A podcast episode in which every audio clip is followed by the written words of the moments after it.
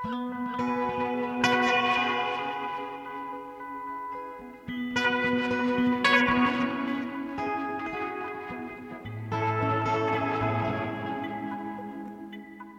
og sæl, kæri hlustendur. Halla Harðardóttir og Guðni Tómasson hels ykkur úr hljóðstofu mánudaginn 23. januar. Í þætti dagsins Myrkir músikdagar, Marat Satt og hljóðstafur Jóns Úrfur. Myrkir músikdagar hefjast á morgun, tónlistarháttíð sem eins og vanilega er til einhver samtíma tónlist bæði innlendri og erlendri. Megnið af háttíðinni fer fram í hörpu að þessu sinni og margir tónlistar hópana sem þar koma fram eru þekktir þáttakendur á þessari rótgrónu hátíð Kabut, Kammersveit Reykjavíkur, Nordic Effect og Symfóníuljónsut Íslands en aðrir listamenn koma aðinni nú í fyrsta sinn. Ný óperuverkefni er að finna á hátíðinni og líka fjölmörg tónverk eftir hvern tónskáld. Leikópurinn Lapp Loki í samstarfið Borgarleikursið frumsyndi um liðna helgi eitt af öndvegisverkum 20. aldar, Marat Sat eftir Pítur Weiss Eva Haldur á Guðmustóttir rínir í uppsetninguna í þætti dagsins. En við byrjum á velunum, við byrjum á ljóðum.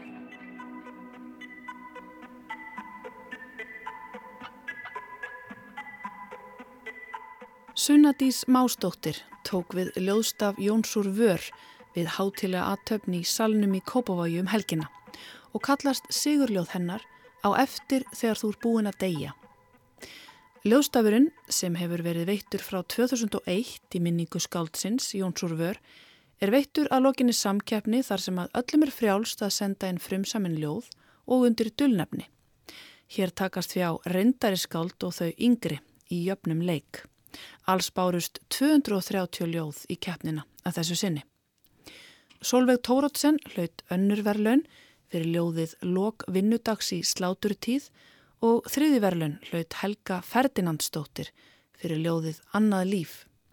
Að auki hlutu sex ljóð sérstakka viðukenningu domnemdar.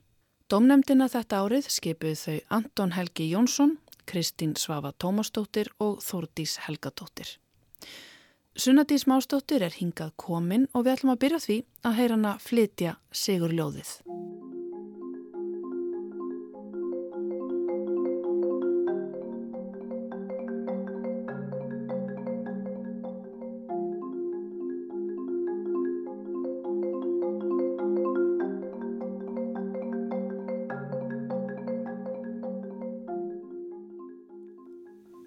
Á eftir þegar þú ert búinn að deyja.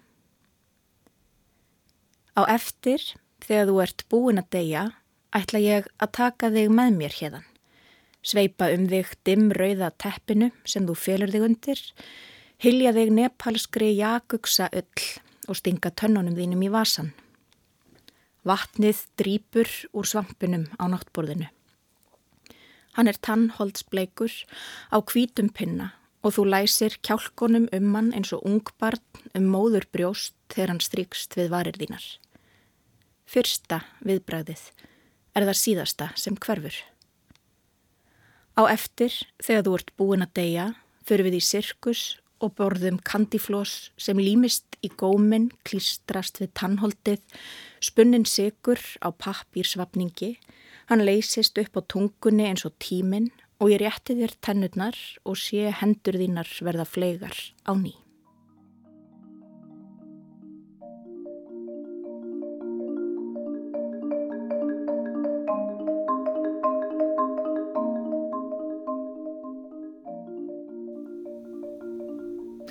Sunna Dís Másdóttir, verður velkomin í Vísjá. Takk fyrir. Og innilega til hamingju. Takk, kærlega.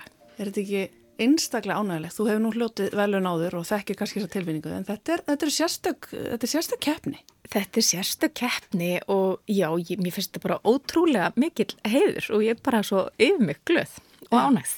Já. Hvernig dættir ég huga að senda inn ljóð undir dulnefni?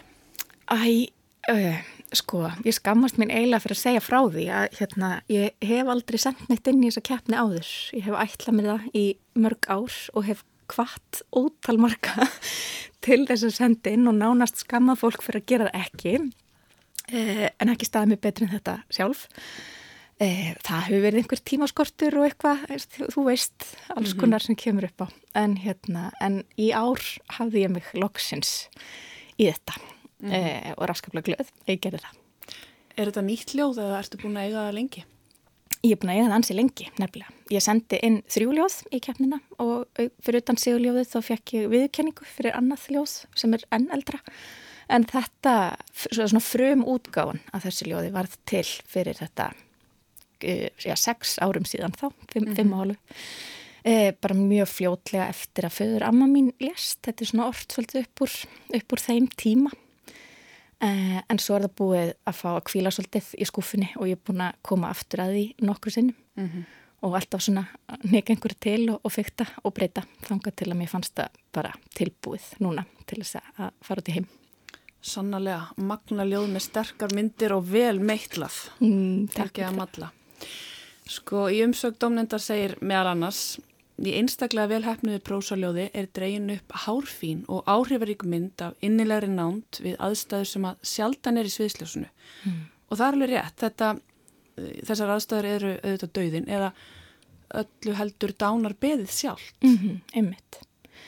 Og það, hérna, þetta var bara svona reynsla sem að bara virkilega snerti mig mjög djúft auðvitað hvaðja ömmu mína sem er þótti óskaplega væntum eh, en líka bara, mér fannst þetta í upplið bara, mér fannst þetta svo mikið forréttindi að fá að upplifa þetta þessar svona síðustu daga hennar í lífinu eh, og bara þessa speiklun við einhvern veginn hvernig hún náttúrulega hefur verið til staðar fyrir mig frá mínum fyrstu dögum. Um, við, við byggum hjá henni sko og, og á að þegar ég fættist þannig ég fór beinti í hennar hendur einhvern veginn. Á samt fónuldri mínum. Mm. eh, og já þetta var alveg, þetta var nýrensla fyrir mér og hérna við vorum bara mikið hjá henni, öll fjölskyldan skiptust á þegar sátum saman og eh, bara töluðum og, og hlóum og, og heldust í hendur og, og þetta var einhver svona tími sem að bara glemist ekki, þetta er svo dýrmætt að fá, mm -hmm. fá einhvern veginn að upplifa þetta saman mm -hmm. Já þegar fólk hveður á svona fallegan hátt Já, einmitt mm -hmm. og bara ummitt, þetta var svona þetta var hausti til og fósfóður eins og fallegur fyrir utan gluggan og ég satt og las ljóð fyrir hann á stundum upp úr bókina Sigga Páls sem var þá nýbúin að hvaðja og þetta var bara einhvern svona, einhver algjör töfra tími Ummitt, dauðin er auðvitað nálægur og, og viðvarandi í lífi okkar allra en, en dauðabeðið og þessi hvaðjustund er eitthvað sem ekki allir kynast Nei, og, og svo við tölum eiginlega ekki um heldur mm -hmm. og hérna sem ég finnst að vettum eiginlega að gera meiraf þegar maður finnur bara, eða ég fann allavega sjálf hvað einhvern veginn mér finnst það bara, ég hugsa bara já ok, nú veit ég hvernig maður gerir þetta þannig að þegar mín stund kemur þá er svona já, nú, nú skil ég að einhverju leiti og mm.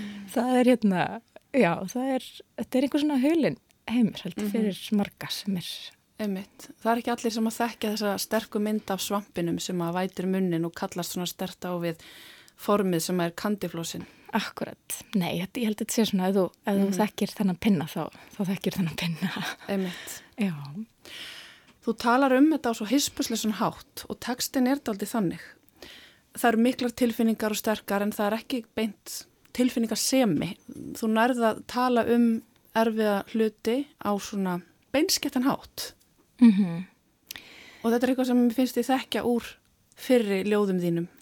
Já, kannski er það það. Ég, hérna, já, ég er mikil tilfinning að vera, sko. Ég bara, en ég ætli sé ekki alltaf einhvern veginn að reyna að leita að réttu leiðinni til að miðla þeim án þess einhvern veginn að fara yfir eitthvað streik sem að ég sé fyrir mér. Ég veit ekki hvort að, hvort að aðrir deila þessari hugmyndum streiki sem, sem ég ætli ekki að fara yfir. Mm -hmm.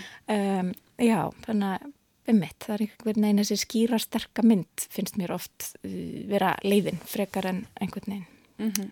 uh, flúr og skraut alltaf. En hefur ljóðið alltaf verið svona þín leið til að koma þessu myndum út úr hugunum, hvenar, hvenar byrjar að skrifa?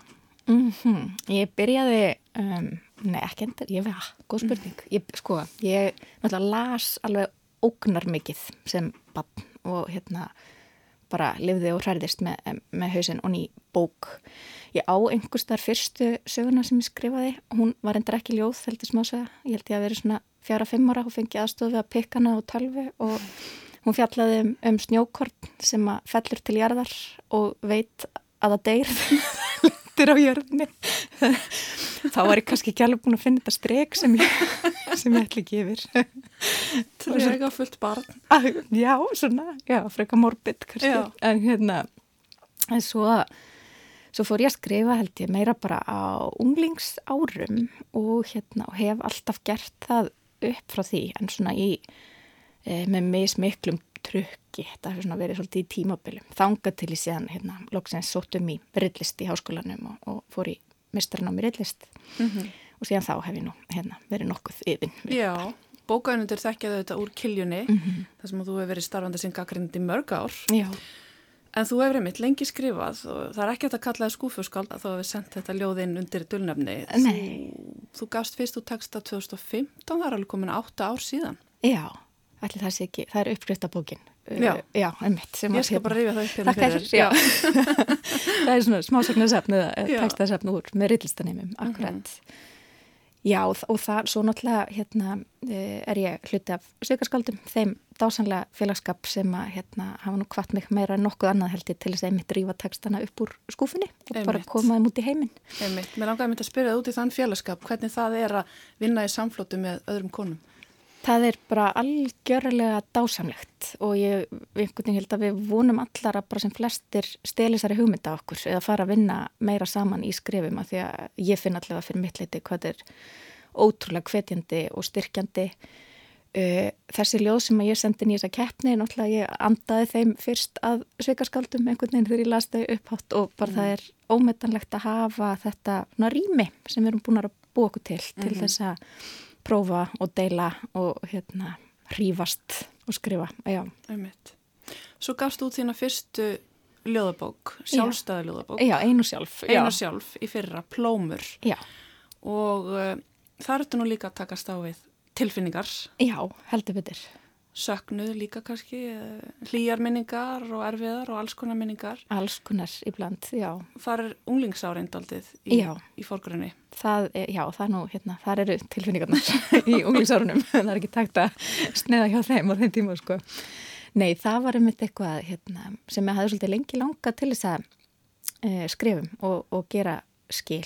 Þessi, ég er satt flut, fluttið til Svíþjóðar, um, unglingur, byrjaði í mentaskóla þar, tveimu vikum eftir að ég flutt út og talaði ekki orð í málinu.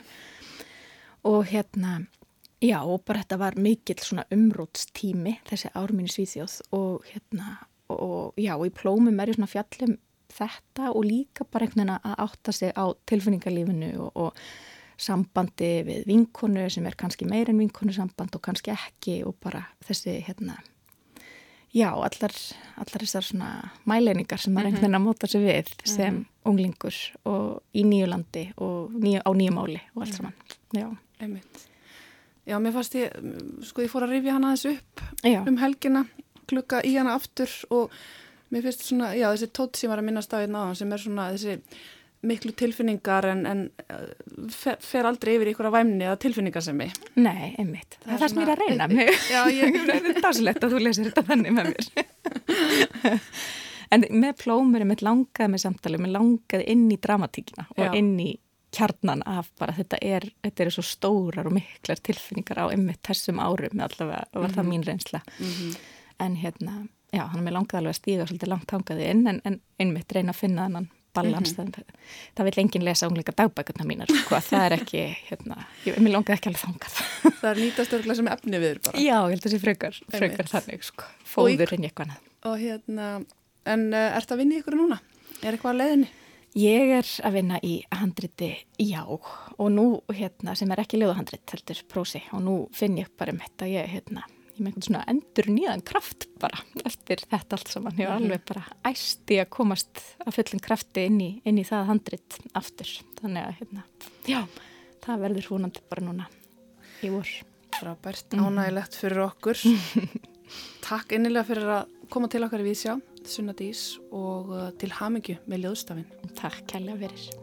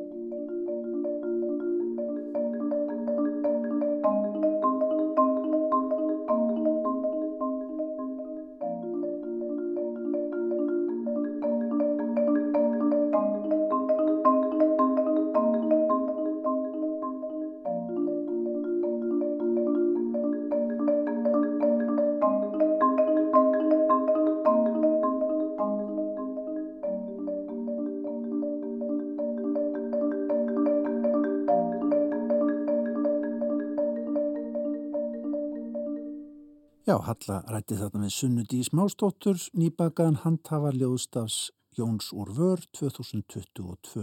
Hún flutti þarna Sigur ljóðið sem kallast á eftir þegar þú ert búinn að deyja.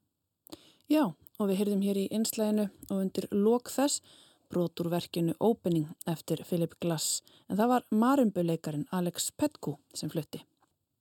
En þá færum við okkur yfir í leikúsið ef að Haldóra Guðmundsdóttir tekur nú við.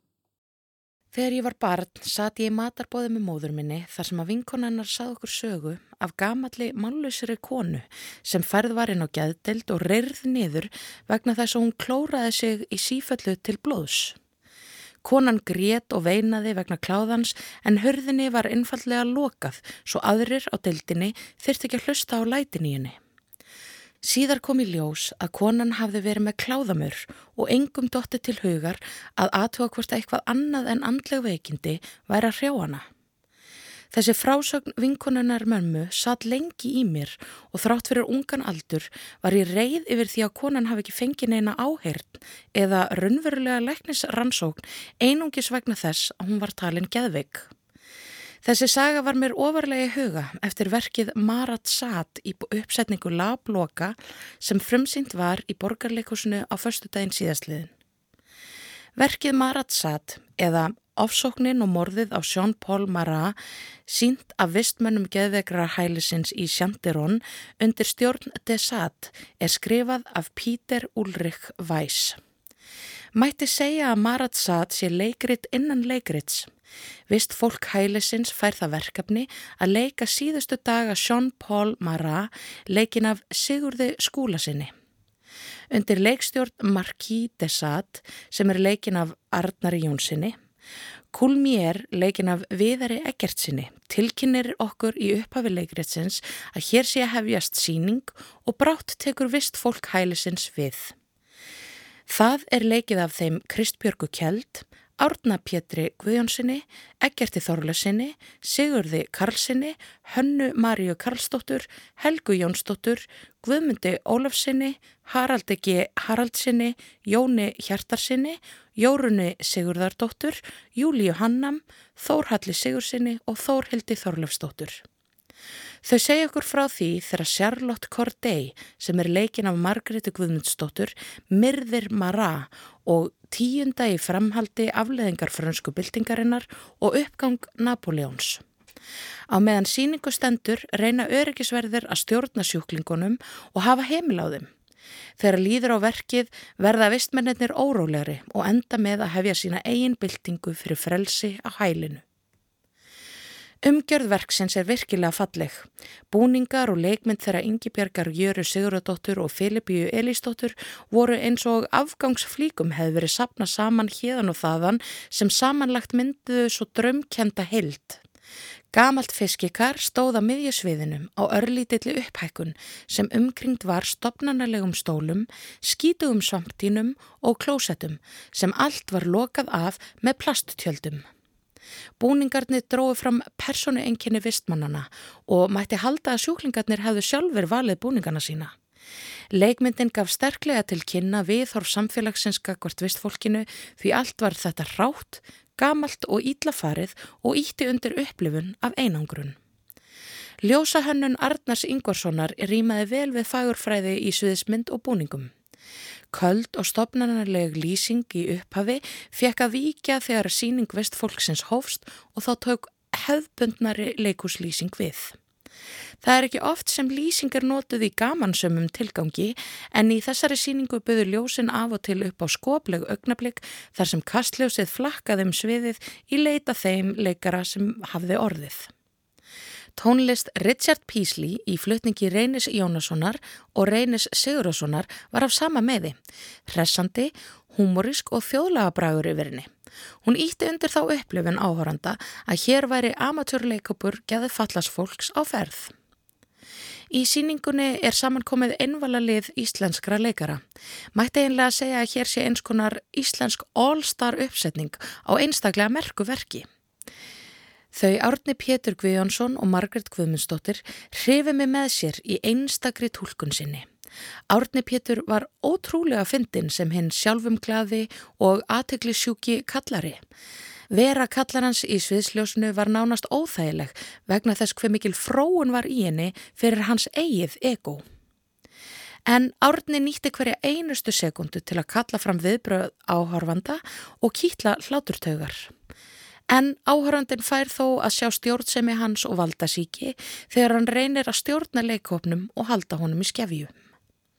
Margrét Kvömmundsdóttir tólkar vistkonuna sem leikur Charlotte Corday af mikilli snild. Þegar að koma senum Charlotte Corday var búið til andrými fyrir áhörandan til að tengjast og tólka. Bestu senur verksins voru þegar að vistkonan vaknar úr móki og tólkar nunnuna af einlegni og viðkvæmni. Rúnar Guðbrandsson, leikstjóri verksins, er greinilega tilraunakjandur leikstjóri og nýtti hann andstæður og skemmtilegan máta til að draga fram margvíslega tólkun áhorfanda. Sem dæmi má nefna atriði þar sem Dúperei, tólkaður af Eggerti Þorlefsinni, flytur tekstan sinn um frelsið en kávar á sama tíma á mótleikonu sinni sem kýtlaði hláturtögar sumra áhorfanda en vakti viðbjóð annara.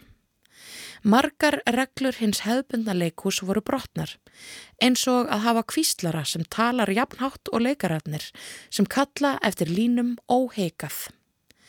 En þrátt fyrir skemmtilegar tilraunir og augurun þá skilaði söguþráðurinn sér illa í þessari uppsetningu og urðu sömar senurverksins klísjukjandar. Sjálf var ég eiginlega eitt stort spurningamerki þegar ég hófst handa við að skrifa um intak leikverksins. Mér líður eins og ég hafi ekki haft sama aðgang að verkinu og þau sem þekkja það vel fyrir. Tekstinn er nefnilega marglaga og ofbáðslega fallegur og býður upp á svo ótalmart en eins og áðursagði fekk hann ekki að njóta sín sem skildi. Spurningar um stjættaskiptingu, frelsi einstaklingsins, mannréttindi og jöfnuð eru fyrirferða miklar í þessu verki sem og hugrenningar um stjórn. Þarf að stjórna mönnum? Hver á að stjórna? Er einhver betur til þess fallin en annar? En þessar áleitnu spurningar urðu viðfangsefni heimsbygginga og sagfræðinga eftir að frönskupildingunni laug. Morð Kordei á Mara var viðleitni hennar til að stöðva ofbeldið en það jógst í kjölfarið. Mér fannst ég ekki skinja eða skilja þennan bakgrunn og í raun vonbreiði manna með byltingu sem hófst undir kjörorðunum jafnbretti, frelsi, bræðralag. Óskýr nótgunnin á leikmyndinni vakti frekar upp spurningar í stað þess að leiða til einhvers konar tólkunar. Plasttjaldin sem einangröðu voru dreyin örlítið upp sem virtist ekki hafa mikil áhrif á vistfólkið og svo látin rúla aftur neður að því er virðist án ástæðu. Var það til þess að minna okkur á að stundum virðist frelsið vera innan seilingar en stundum svo fjarlægt? Klósett voru á litlum palli þar sem leikstjóri leikritsins í leikritinu stóð og fyldist með uppsetningu sinni en þau voru aldrei nótuð. Þess vegna er tilgangur þeirra vandsjöður. Stundum náði verkið að hrífa mig með sér en á öðrum tímapunkti aftengtist ég algjörlega. Svo upplifun að hér væri á ferð áhuga manna leiksinning í flutningi geðfallast fólks var virkilega skemmtileg í byrjun en var svo fljótlega þreytandi. Orka leikarana og tólkun er virkilega góð en þegar allt blandast saman myndast tætingslegt ástand, glundróði sem gefur lítið af sér. Byltingin var vissulega glundróða kend og fór fljótlega úr böndunum en hér er verið að takast á við afleðingarnar, eftirmálinn. Tilgangsleysi byltinga í leikritinu innan leikritsins skilaði sér en áhörundur fengu lítið rými til að tengjast sögunni eða personunum. Mér langaði að halda meira með þeim. Mér langaði að skilja þau. Í staðin var mér nánast alveg samum þau. Það er ákveðin afstafa að fá áhörfanda til að upplifa skeitingaleysi gagvart í aðarsettum hópi en við fengum ekki rými fyrir dýbri tólkun á sömum personunum í óreðunni. Herðuleysi gagvart þeim sem eru andlega veikir virðist vera enn við líði sumstaðar í dag. Þó svo ástandi sé ekki einn slæmt og þegar konan þurft að þóla kláðamörin í lengri tíma. En ítrekkað heyru við sögur frá geðveiku fólki sem lýsir reynslu sinna af jæðarsetningu og því að tala fyrir döfum eirum þegar leitað er eftir hjálp. Einnig hefur aldra fólk sagt sögur af einmannaleika og einangurun í kerfislegum heterotópíum þar sem ekki er rými fyrir manneskjuna. Verkið snertir á þessum trassaskap og valda ójabvegi samfélagsins, gagvart jáðarsettu fólki með óreiðu kendri uppsetningu en næri ekki að velta upp dýbri tengingu eða hugrenningatengslum við það samfélag sem við höfum byggt upp. Spurningar um mannúð, skilning og frelsi sem við ættum í raun að vera búin að svara og tilengu okkur í allri stjórnskipan en höfum ekki ennfundið leið til að innleiða. Saði Eva Haldara Guðmustóttir um verkið Marat Sat sem leikópurinn Lab Loki frumsyndi um liðna helgi í samstarfi við Borgarleikúsið. En þá snúum við okkur að samtíma tónlistinni.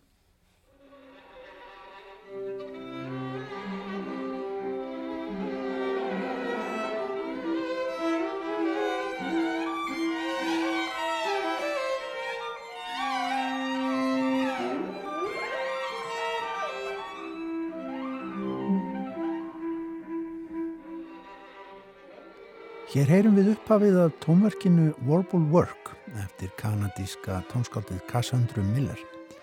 Þetta verk er fyrsta verkið sem leikið verður á fyrstu tónleikum tónlistarháttíðarinnar Mirkir Músikdagar sem að hefjast á morgun þriðjudag og standa fram á sunnudag. Háttíðin fer að mestu fram í hörpu að þessu sinni, tónlistin blanda af íslenskri og erlendri samtíma tónlist en flytjandur að mestu innlendir en reyndar ekki þeir sem hér leika, kanadíski Bossini strengjakvartetin. Hann verður ábyrrandi á dagskrá háttíðarinnar sem best er að kynna sér á vefnum myrkir.is. Ásmundur Jónsson er listrætt stjórnandi myrkra músikdaga eins og undanfarin ár. Hann kom í heimsókn og við spurðum fyrst hver myrt væri yfir myrkum músikdugum þetta árið. E, ég held að það sé nú frekar bjart yfir þessu sko. en, en málið er það að, að svona í heildina þá er þetta síðustu þrjú ár sem eru, eru búin að blandast saman hér og þar sko, með, með ýmsum hætti. Það eru COVID-áhrifin? Jú, vissulega sko en, en hérna það má til dæmis nefna það að, að, að hérna e, samtalið við Bótsín í kvartetinn hófst árið 2020 mm -hmm. og þannig að það er svona ímislegt sem að, sem að er á dasgraháttíðina núna sem að, sem að tegi sig aftur í, í, í tíman og hefur verið lengi í, í vinslu og það er náttúrulega út af þessu ástandi þannig að háttíðin í ára hún hefur svona aðeins svona alþjóðlegri blæ mm. þar að segja hún er aðeins meira samtal íslenskrar menningar við þennan alþjóðlegu tónlistarmenningu mm. Þú nefnir hann að Boccini strengja kvartetinn sem að verði með tónleika á morgun. Leikur þar uh, verk eftir, eftir Cassandra Miller, Tanju Tagak og Önnu Þorvarsdóttur uh, sko hvaða, það er gaman að geta komið með erlendan hljófarahópinni inn í, inn í þetta samhengi. Já þau hafa reyndar komið hingað allavega einu svona áður. Já, hvaða fólk er þetta? Þetta er, er strengi kartitt frá Kanada og maður getur kannski sagt að þetta sé svona sambarilegur hópu við Ardit í strengi kartittin þar að segja að þau hafa einbeitt sér að því að flytja samtíma tónlist og hafa verið starfandi í hátti þrjá áratí og mm. frumflutt yfir 500 verk. Vá, það er, er góðu slatti. Já, og sem sagt að þau eru þáttakandur í þremur viðbörðum á hátíðinni á þessum fyrstu tveimur dögum.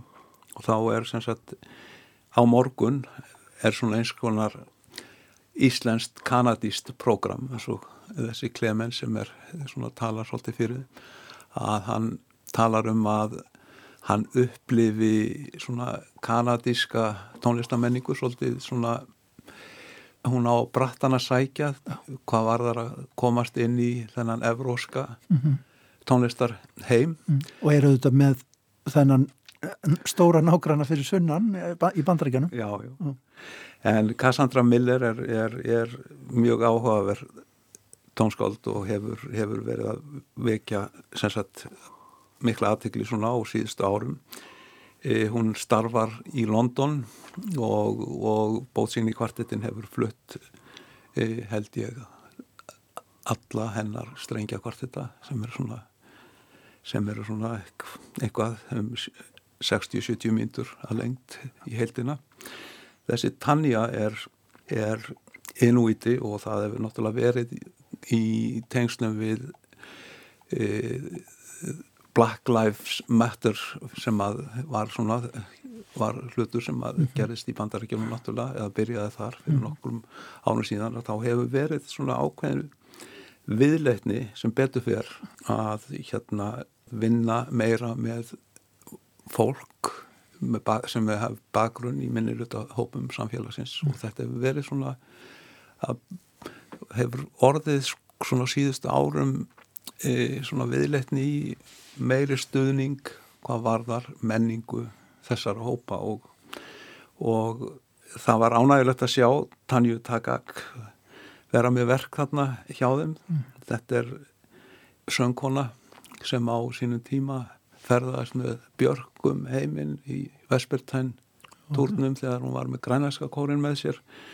og hún kemur fram á medúluplötunni Já, já Þannig að þetta er skemmtileg Ísla, Íslands tenging. Já, þetta er svona, já, skemmtileg Íslands tenging mm. og svo auðvitað Anna Þorvalds, það var verk sem að þau kursu að spila Einmitt. í þetta tækifæri. Einmitt. En þessi kvartett, hann kemur oftar en einu svona fram uh, Já, hann kemur fram þarna á miðugudeginum, það er verk, verkefni sem að er unnið í samvinnu við Listaháskólan mm. og það er þessi hópur sem kalla sig Skerpla og er, er svona umsjón með honum, hefur Berglind Marja Tómasdóttir og, og hann hérna John McGowan mm. og það verður, verður um já, 14 manns nefnendur og kennarar sem að munu flytja Eh, verk James Tennis in a large open space í, í, í hérna opnum rýmum í hörpu mm. ásamt e, bótsinn í kvartettinum uh -huh. En síðan er þeirra síðasta uppákoma er, er sendum kvöldið á miðgudeginum klukkan tíu þar sem þau munum flytja strengja kvartett eftir Elian Radík franska tónskóldið kona sem var svona sam, samstars eh, kona eh, Pír Sjáfers og Pír Henry og þessara svona brautriðenda í elektrónisk eða músikkonkrét mm. á síðustöld mm. menn þekkja hana kannski ekki mikið í sjálfu sér en, en hún hafði gríðarlega áhrif og, og var á mjög þýðinga mikinn svona mikla sögu í þess, þess, þeim heimi. Það sem er kannski áhugavert við hana hún um 2000 að þá hættir hún að vinna í þessum elektróniska heimi af þessu marki sko, og byrjar að semja þessi okkam verk sem að hún gerir í samstarfi eða samvinnu við flytjendur uh mhm. -huh. og bót sín í kvartetinn sem sagt vann þetta verk í samvinnu við Elian en það sem er kannski áhugavert við hann að hún hún fer alveg í akústiska músik eftir, eftir 2000 og hefur samið ykkur að tuja þessum okkamverkum í, í tengslum við, við, við tónlistafólk sem hefur verið svona í tilvægna kendari þáttum tónsköpunar. Það verður mjög spennandi að upplifa þessa tónleika. Þetta eru svona 40 mínuna verk mm. eitthvað svo leys mm.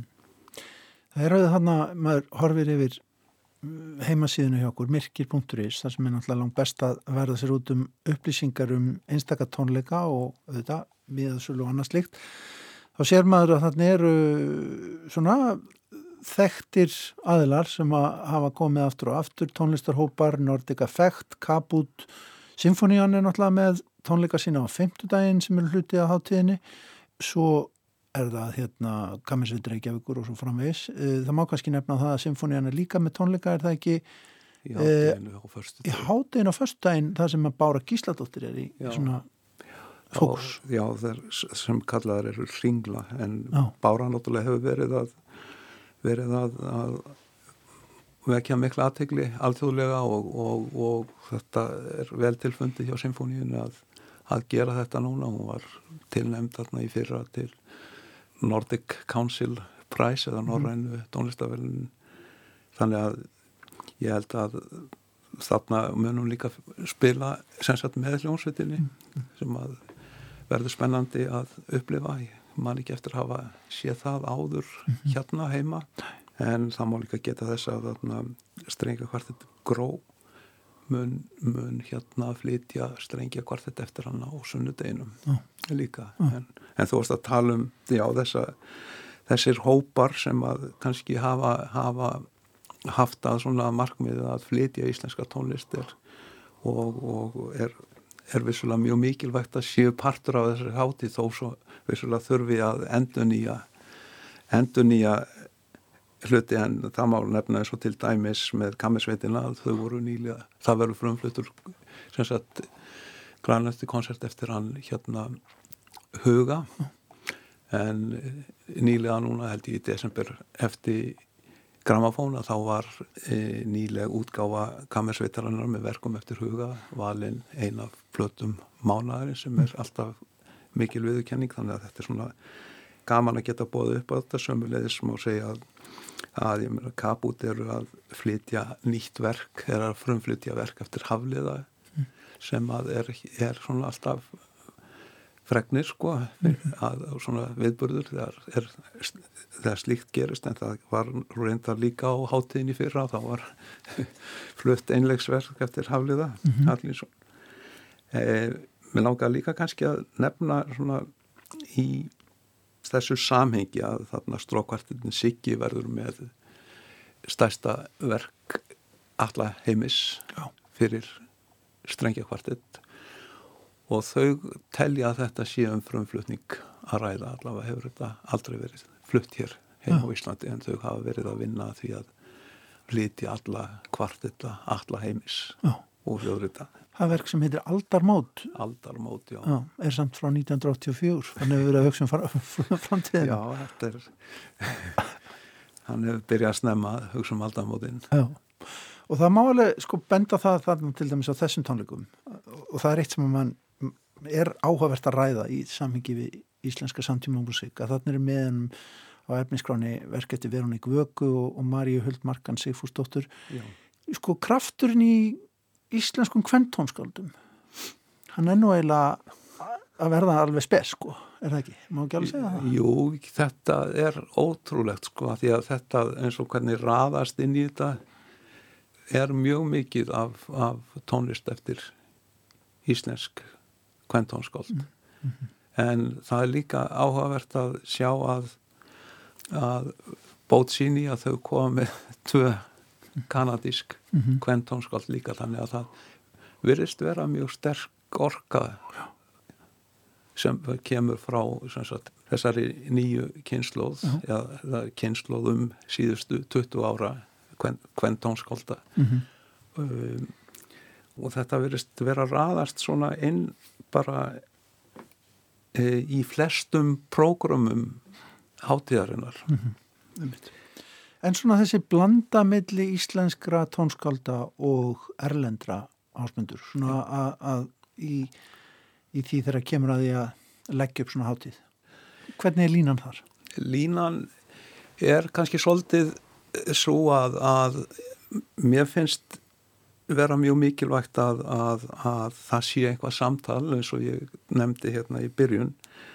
E, Eitt af tónleikum hátíðarinnar sem er með breska pianistanum Andrjúf Solinski að það er í rauninni annað verkefni sem að byrjaði fyrir þremur árun síðan eða í Dublin því var á hátíð þar New Music Dublin mm. 2020 í, í februar lokrétt áðunum að mm -hmm. allt lokaðist að það var sagt eh, sett upp þessi hugmyndum að gera samstagsverkefni á milli myrkra músikdaga og samtíma tónlistarháttíðarinnar í Huddersfield mm. og New Music Dublin og það er svona verkefni sem að ég er mjög spenntur fyrir að þróa frekar og, og það hefur átt sér starf í framaldi af Huddersfield háttíðinu núna síðastluð höst að fara í samstagsverkefni með hugsanlega Huddersfield en það er, er, er verkefni sem er, er búið að setja í ganga fyrir umhverði hátíðar frá Kanada. Það er maður sem stýrir nokkrum festivalum eða bókarinn og nokkur festival í, í, í Kanada. Og hann sem sagt var á þessum sólinski tónleikum í, í Huddersfield og hafði strax samband við, við hérna Graham McKenzie listur hann sjálfnandi Höttisvild og mig eftir hátíðin og vildi fara í frekara samstarf Þannig að það eru möguleikar á að, svona útrás já, þannig, já, það eru möguleikar í gegnum en þá náttúrulega verður þetta að vera gagvæmt, þú ert þá með tónskált frá Íslandi, Breitlandi og Írlandi eða Íslandi og Kanada þetta er allavega ein leið að, að fólk fær sitt verk flutt eða sín verk flutt oftar en einu sinni. Já, einmitt, sem að skiptir náttúrulega miklu máli. Mjög miklu máli. En svona ef við hugsaum um þessa hátíð og hvernig hún svona fungerar í hugum tónlistafólks á Íslandi, þetta er einhvers konar uppskýra hátíð þessari samtíma músika, það ekki? Jú, mér finnst vera virkilega jákvæður andi gagvart hátíðinni á meðal sko flytjenda og tónskálda hérna heima. Fólki finnst þetta skipta máli.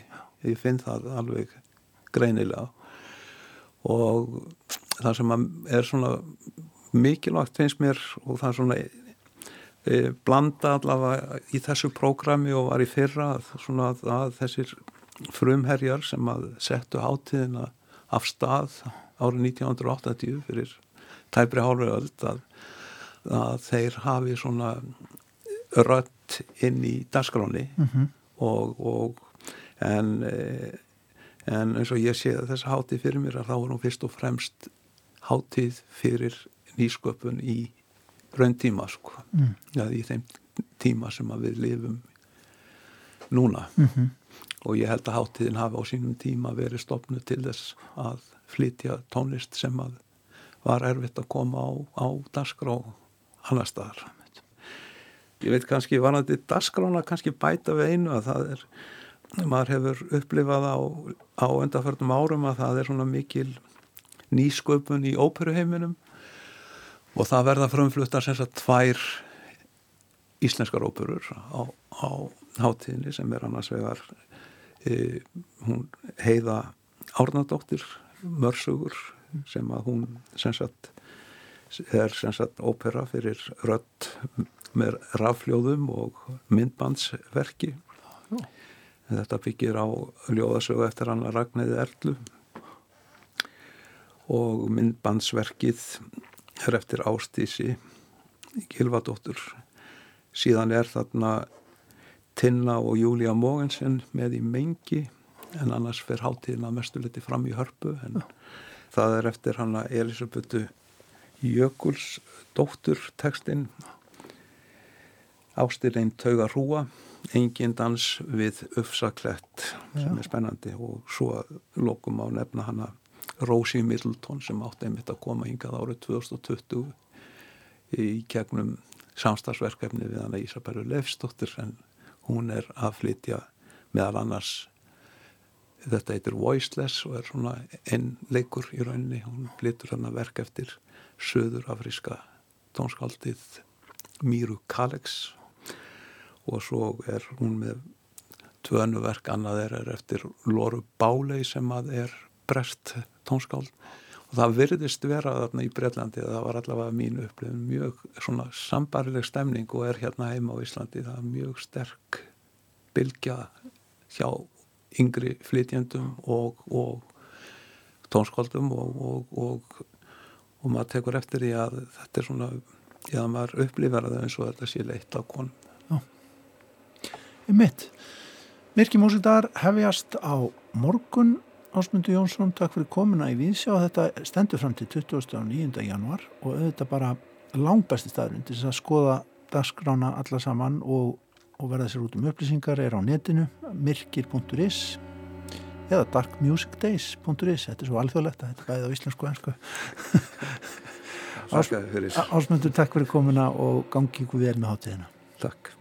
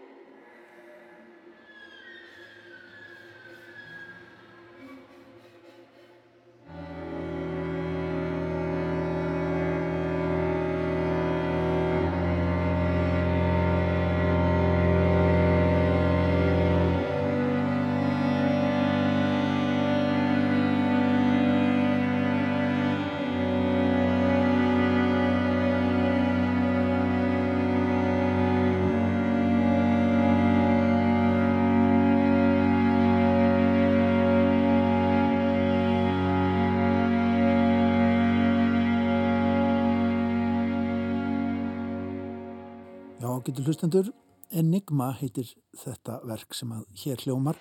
Þetta er strengja kvartett eftir Önnu Þorvaldsdóttur, eitt verkana sem að verður bóðið upp á, á myrku músikdöfum sem að hefjast á morgun og mun hljóma á opnunum tónleikum hátíðarinnar annað kvöld. Það er það Boccini strengja kvartettin sem að flytur þetta verk. En um að gera að benda hlustendum á að fara inn á netið og skoða heimasíðuna myrkir.is. Það eru allar upplýsingar um hátíðina. Það var Ásmundur Jónsson, listræð stjórnandi hátíðarinnar sem að sað okkur frá myrkum tónlistardögum, myrkum músikdögum þetta árið.